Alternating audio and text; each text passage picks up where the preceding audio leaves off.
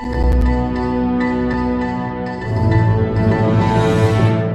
Dzień dobry, dzień dobry, dzień dobry. Poniedziałeczek, zaczął się tydzień i jest, no co będę mówić, jest super. Ja zawsze nie mogę się doczekać poniedziałków i generalnie jest zarąbiście. Moi drodzy, dzisiaj ćwiczenia w bólu i nie mam na myśli bólu istnienia, tylko ból taki realny, fizyczny. Tak czy nie, hit czy kit, no zaraz się okaże. Czytałam wasze komentarze już przed, przed live'em, więc tam tak naprawdę rysował się taki podział. Część osób mówi tak, część osób mówi nie, więc pewnie właściwą odpowiedzią będzie to zależy, no i teraz się okaże od czego. Zanim zacznę część merytoryczną, to krótkie, krótkie sprawy organizacyjne. Słuchajcie, grupa, najnowsze dyskusje na grupie fizjopozytywnych są na temat polineuropatii popromiennej i to jest po prostu temat wow, dlatego że tak naprawdę bardzo niewiele osób e, wśród nas ma doświadczenie w takich polineuropatiach i dosyć ciężcy są ci pacjenci do prowadzenia, więc tam wspólnie radzimy, co można zrobić, żeby takiemu pacjentowi przynieść ulgę. Drugi taki mocny temat to są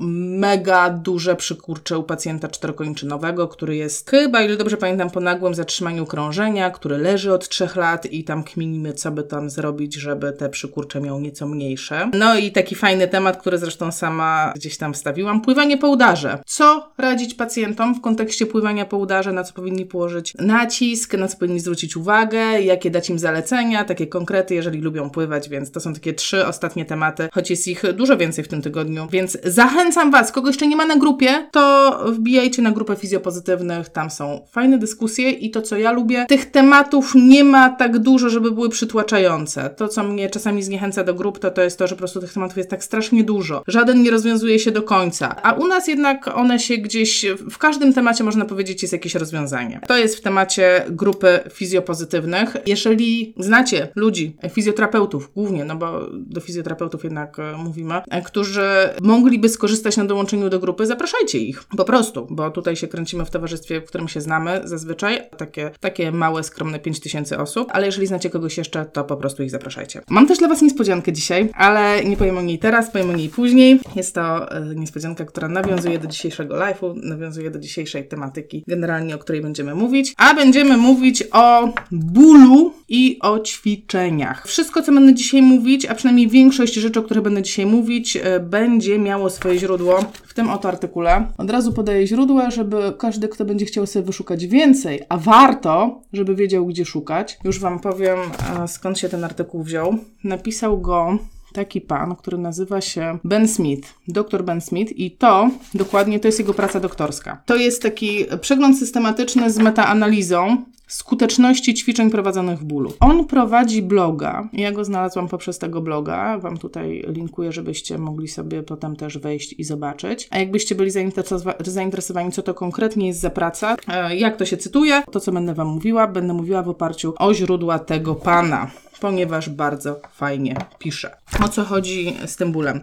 Generalnie tak w tradycyjnym podejściu utożsamiamy ból z uszkodzeniem tkanek. I to jest coś, czego nas uczyli w szkole, że jest nocycepcja, czyli jakaś tkanka jest uszkodzona, podrażniona, wysyła impuls do mózgu i ten mózg produkuje ból. I teraz na przestrzeni lat uwierzyli w to, czy może takie były przekonania, wierzymy w to i pacjenci i terapeuci. I z czym to się wiąże? Jeżeli ja, jako terapeuta, zakładam, że ból równa się uszkodzeniu tkanek, no to moim zaleceniem będzie nie wchodzić w zakres bolesny, nie wykonywać ćwiczeń yy, przekraczających bolesny zakres ruchu i odpoczywać, tak? Jeżeli cię boli, to odpocznij i spróbujesz następnego dnia. I co to, co to znaczy? Co to znaczy, mm, jakby, jak to ugryźć teraz? Bo z jednej strony na pewno to jest prawda, tak? Ponieważ są sytuacje oczywiście y, w bólach ostrych, w bólach yy, spowodowanych uszkodzeniem tu i teraz, czy niedawno, kiedy rzeczywiście dokładnie tak jest, uszkodzenie tkanki równa się ból, ale jeżeli chodzi o przewlekłe stany bólowe, to ta zasada przestaje działać. Ponieważ w bólu przewlekłym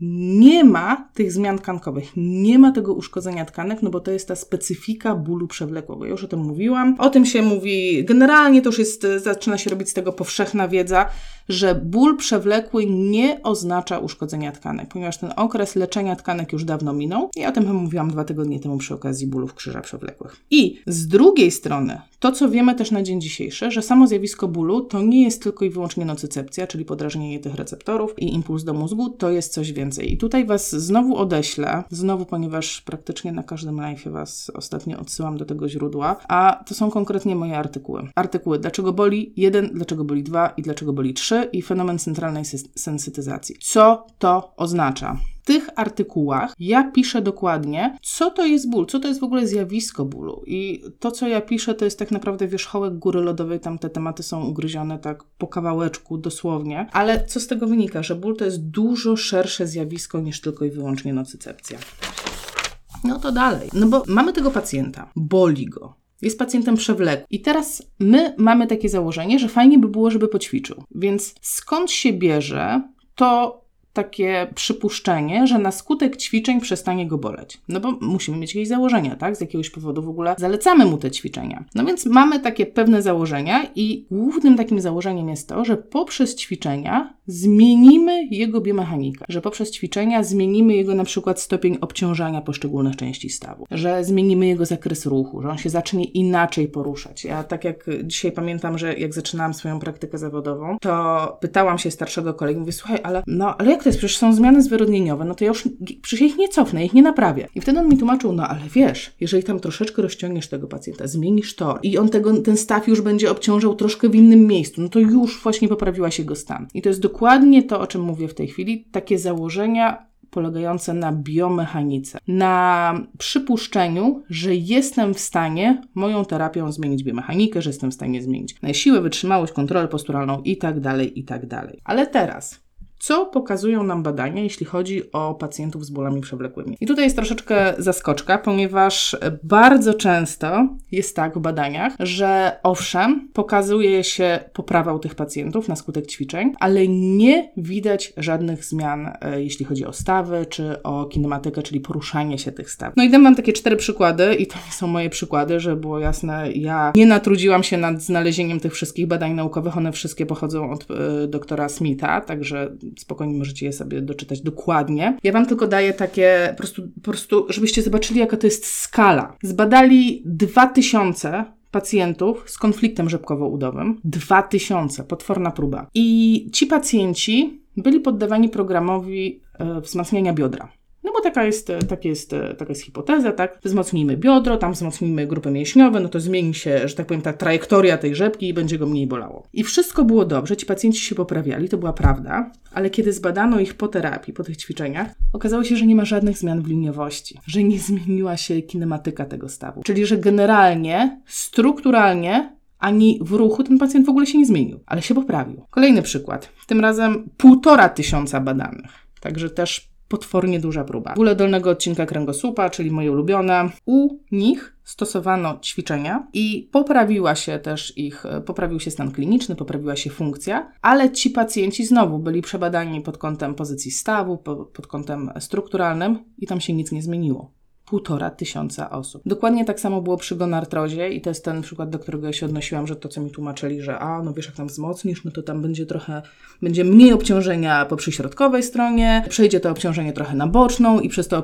odciążą się te powierzchnie stawowe, będzie mniej bolało. Gucio prawda, bo ktoś to zbadał, ktoś po prostu sprawdził, czy trening siłowy będzie powodował mniejsze dociążenie tam przyśrodkowej strony e, stawu. I okazało się, że nie. Nic się nie zmieniło, generalnie było dokładnie tak samo, ale klinicznie pacjenci byli lepsi. I ostatnie badanie taka po prostu już wisienka na torcie creme de la creme. 625 pacjentów przebadanych przed hipoterapii, pacjentów z problemami ze ścięgnami, bólem pochodzenia, tak przypuszczam, z ścięgien i oni byli, byli przebadani przed i po terapii poprzez USG, rezonans magnetyczny albo tomografię komputerową, czyli mieli zrobione takie czytelne badania obrazowe. I tutaj po prostu już akcja totalna, ponieważ pomimo tego, że się poprawili, to w badaniach wychodziło dokładnie tak samo. Czyli oni wciąż mieli to zaburzenie, z którym przyszli, tylko już nie bolało. Więc co to dla nas znaczy? Co to oznacza? W takim dużym telegraficznym skrócie oznacza to, że ten biomechaniczny model bólu to jest po prostu za mało. Że zjawisko bólu to jest troszeczkę więcej, a nawet nie troszeczkę, że to jest bardziej złożone zjawisko niż tylko i wyłącznie mechanika, obciążenie, osiowość i tak dalej. Więc co my w ogóle wiemy tak naprawdę o bólu? Tak ogólnie wiemy, że istnieje coś takiego jak nocycepcja, czyli że mamy podrażnienie struktur który idzie impuls i to może wywoływać ból. Ale wiemy również, że to, czy ten ból jest wywoływany, zależy od tego, co mózg myśli na temat tego bólu. Czyli jakie ma poprzednie doświadczenia jakie ma przekonania, czy ma jakieś obawy, co my generalnie odczuwamy, że tak powiem, psychicznie na temat tego bólu. I teraz ciekawostka jest taka, że zarówno te podrażnienie nocyceptywne, jak i wywołanie impulsu takiego skojarzonego, czy z poprzednimi doświadczeniami, czy z lękami, czy z obawami, to wszystko może wywołać dolegliwości bólowe. Ja wam dam taki przykład z własnego podwórka, konkretnie z własnego życia. Kilka lat temu w jednym z warszawskich szpitali zmarł mój tata. I to było takie bardzo traumatyczne doświadczenie, ponieważ zmarł nagle. I muszę Wam powiedzieć, że przez pierwszy rok, kiedy ja mijałam ten szpital, ja się czułam źle, bo to była właśnie ta negatywna konotacja związana z miejscem. Kojarzenie miejsca, skojarzenie negatywnych emocji i to się przenosiło przez wiele, wiele miesięcy później. Ale przeszło. No ale co z tego, Aśka, tak? Jakie to ma znaczenie dla nas, dla terapii? Po co to wszystko opowiadasz? No bo istnieją takie dwa zjawiska, o którym już o jednym mówiłam, zresztą o drugim chyba też już mówiłam przy okazji takiego materiału, który się nazywa Core Stability Hit czy Kit. On jest tam, jak sobie zejdziecie parę, parę wpisów niżej. Bardzo fajny bardzo fajny materiał, polecam do obejrzenia, uważam, że każdy powinien obejrzeć. Ale tam tłumaczę coś takiego jak model unikania lękowego. Czyli jeżeli mnie coś boli, to może pójść, że tak powiem, albo w lewo, albo w prawo. Jeżeli nic nie zrobię z tym bólem, będę podsycała tylko swoje lęki, czy jako terapeutka będę podsycała lęki pacjenta, będę mu tłumaczyła, jakie to jest strasznie niebezpieczne, że w ogóle jego dyski wystrzeliwują jak mokre pestki z między palców, to będę go wrzucała w takie błędne koło przekonania, że jestem chory, moje struktury są zagrożone, prawdopodobnie zginę marnie i będę nakręcała jego ból. Ale jeżeli pójdę w drugą stronę i będę mu tłumaczyła, że nie obawiaj się, twój ból jest normalnym zjawiskiem, to się zdarza. Wspólnie poradzimy, w jaki sposób ci pomóc i skonfrontujemy cię z tym twoim problemem, to wtedy mam szansę na wyleczenie. I to jest dokładnie wytłumaczone razem ze slajdami w tym live'ie o core stability. I w związku z tym, że w ogóle istnieje takie zjawisko jak unikanie lękowe, czyli unikanie poruszania się na skutek tego, że boję się poruszać, jest to związane też z kinezjofobią, czyli z takim lękiem w ogóle przed poruszaniem się. I pomyślcie, ilu pacjentów tak naprawdę to ma. Ja miałam multum pacjentów, którzy przychodzili okutani e, czy pasem, czy po prostu tacy na sztywno, bo jemu nie wolno usiąść, jemu nie wolno się skręcić. Pamiętam w początkach swojej pracy pracy zawodowej dziewczynę, która przyszła, miała chyba 30 parę lat, była wprost po operacji odcinka lędźwiowego i miała zalecenie już nigdy do końca życia się nie skręcać. Ja myślę sobie, Boże kochany, jak ona ma żyć? w ogóle co to teraz będzie? A, ale jak? Że ma przeżyć teraz 60 lat i nigdy w życiu się nie skręcić? I, I ona rzeczywiście taka była. Sztywna, poruszająca się jak słup. I hmm, no niestety, yy, no, trudno mi jest analizować tamten przypadek, tak? Ale to, co warto wiedzieć, że te przekonania i to podejście ma wpływ na to, w jaki sposób odczuwają ból pacjenci. I z jednej strony dotyczy to pacjentów, czyli oni reagują, ale z drugiej strony były robione badania również na terapeutach, których odpytywano, czy boją się uszkodzenia tkanek swoim pacjentom, czy boją się ćwiczyć z pacjentami w tym momencie, kiedy ich boli. I terapeuci powiedzieli, tak, boimy się tego. Jeżeli ćwiczę z pacjentem w bólu, to prawdopodobnie uszkodzę jego tkanki. Jeżeli e, ćwiczę z pacjentem w bólu, to prawdopodobnie zwiększę jego wrażliwość na ból i pogorszę całą sytuację. I to też jest, e, to też jest przebadane. W związku z tym, jeżeli sam terapeuta boli się tego bólu, no to znowu porady będą brzmiały: nie ćwicz, e, nie przekraczaj granicy bólu. E, odpocznij, uważaj na siebie, w ból to słuchaj stary nie wchodź. I w tym momencie jesteśmy o krok od jatrogennego bólu, od wywoływania bólu na skutek naszych medycznych działań. Dlaczego to jest takie ważne? Chociażby dlatego, że brak ruchu, brak aktywności fizycznej jest jedną z dziesięciu najczęstszych czynników ryzyka śmierci na świecie. Taki przykład: 50% pacjentów z cukrzycą typu drugiego porzuca aktywność fizyczną ze względu na ból. Czyli problem jest szerszy niż tylko i wyłącznie, czy ten ruch jest przydatny w mojej terapii, czy nie. Tylko czasami to będzie, czy ten pacjent będzie żył dłużej, czy krócej. I teraz, żeby być takim już bardzo strict w tej pracy, bo oni tam badali, czy te ćwiczenia w bólu, czy w ogóle, czy one w ogóle są skuteczne. Po co, po co, no bo po co z drugiej strony robić coś, co nie jest skuteczne. I na ten moment nie mamy dowodów na to, żeby one były bardziej skuteczne niż ćwiczenia bez bólu w długoterminowym okresie. Ale za to mamy dowody, że jeśli chodzi o krótkoterminowe efekty, to lepiej działają ćwiczenia prowadzone w bólu. I przypominam, że mówimy o bólu przewlekłym, że mówimy o pacjentach z bólem przewlekłym. Także wyrzucamy w tej chwili ostrych z tego wszystkiego. Więc jeżeli chodzi o ból przewlekły, wydaje się, że unikanie ruchu bardziej szkodzi niż ćwiczenie w bólu. I dość prawdopodobne jest, że unikanie ćwiczenia w bólu w ogóle nie jest konieczne, że możemy sobie pozwolić na to, żeby jednak ci pacjenci w bólu wrócili i na, e, ćwiczyli. I tutaj na chwilę chciałam wrócić do tego, co Wam mówiłam o tym unikaniu lękowym. Jak ja tam tłumaczyłam model unikania lękowego, to w tej pętli takiej, gdzie był powrót do zdrowia na samym końcu, to tam po drodze pojawia się słowo konfrontacja. I jest to właśnie konfrontacja z tym bólem. I to jest właśnie konfrontacja z tym, że pomimo tego, że mnie boli, mogę wykonywać ten ruch. Z razu na raz będzie bolało coraz mniej, a w końcu do mojego mózgu dotrze, że w ogóle nie musi generować bólu w tym ruchu, ponieważ generalnie jest to bezpieczne i było tylko wygenerowane przez mój mózg. I teraz nie znam, jeżeli znacie, to mi podlinkujcie. Ja nie znam badań, które by pokazywały, czy sugerowały, rekomendowały konkretne jakieś zachowania, czyli ile możemy tego bólu, y, jak wysoko możemy w tym bólu się pobawić, czyli ile możemy tego bólu zadać pacjentowi, jakie obciążenia możemy zadać, jak konkretnie to wykonywać. Po prostu nie znam takich zaleceń. To, co się mówi w tej chwili, to to, że generalnie możemy wejść w zakres bolesny. I teraz ta niespodzianka, o której Wam mówiłam. Jestem mega mega, mega dumna, bo to jest właśnie w temacie dzisiejszego, dzisiejszego naszego spotkania. I akurat dzisiaj udało się wszystko dopiąć po prostu na ostatni guzik. Ja już Wam pokazuję.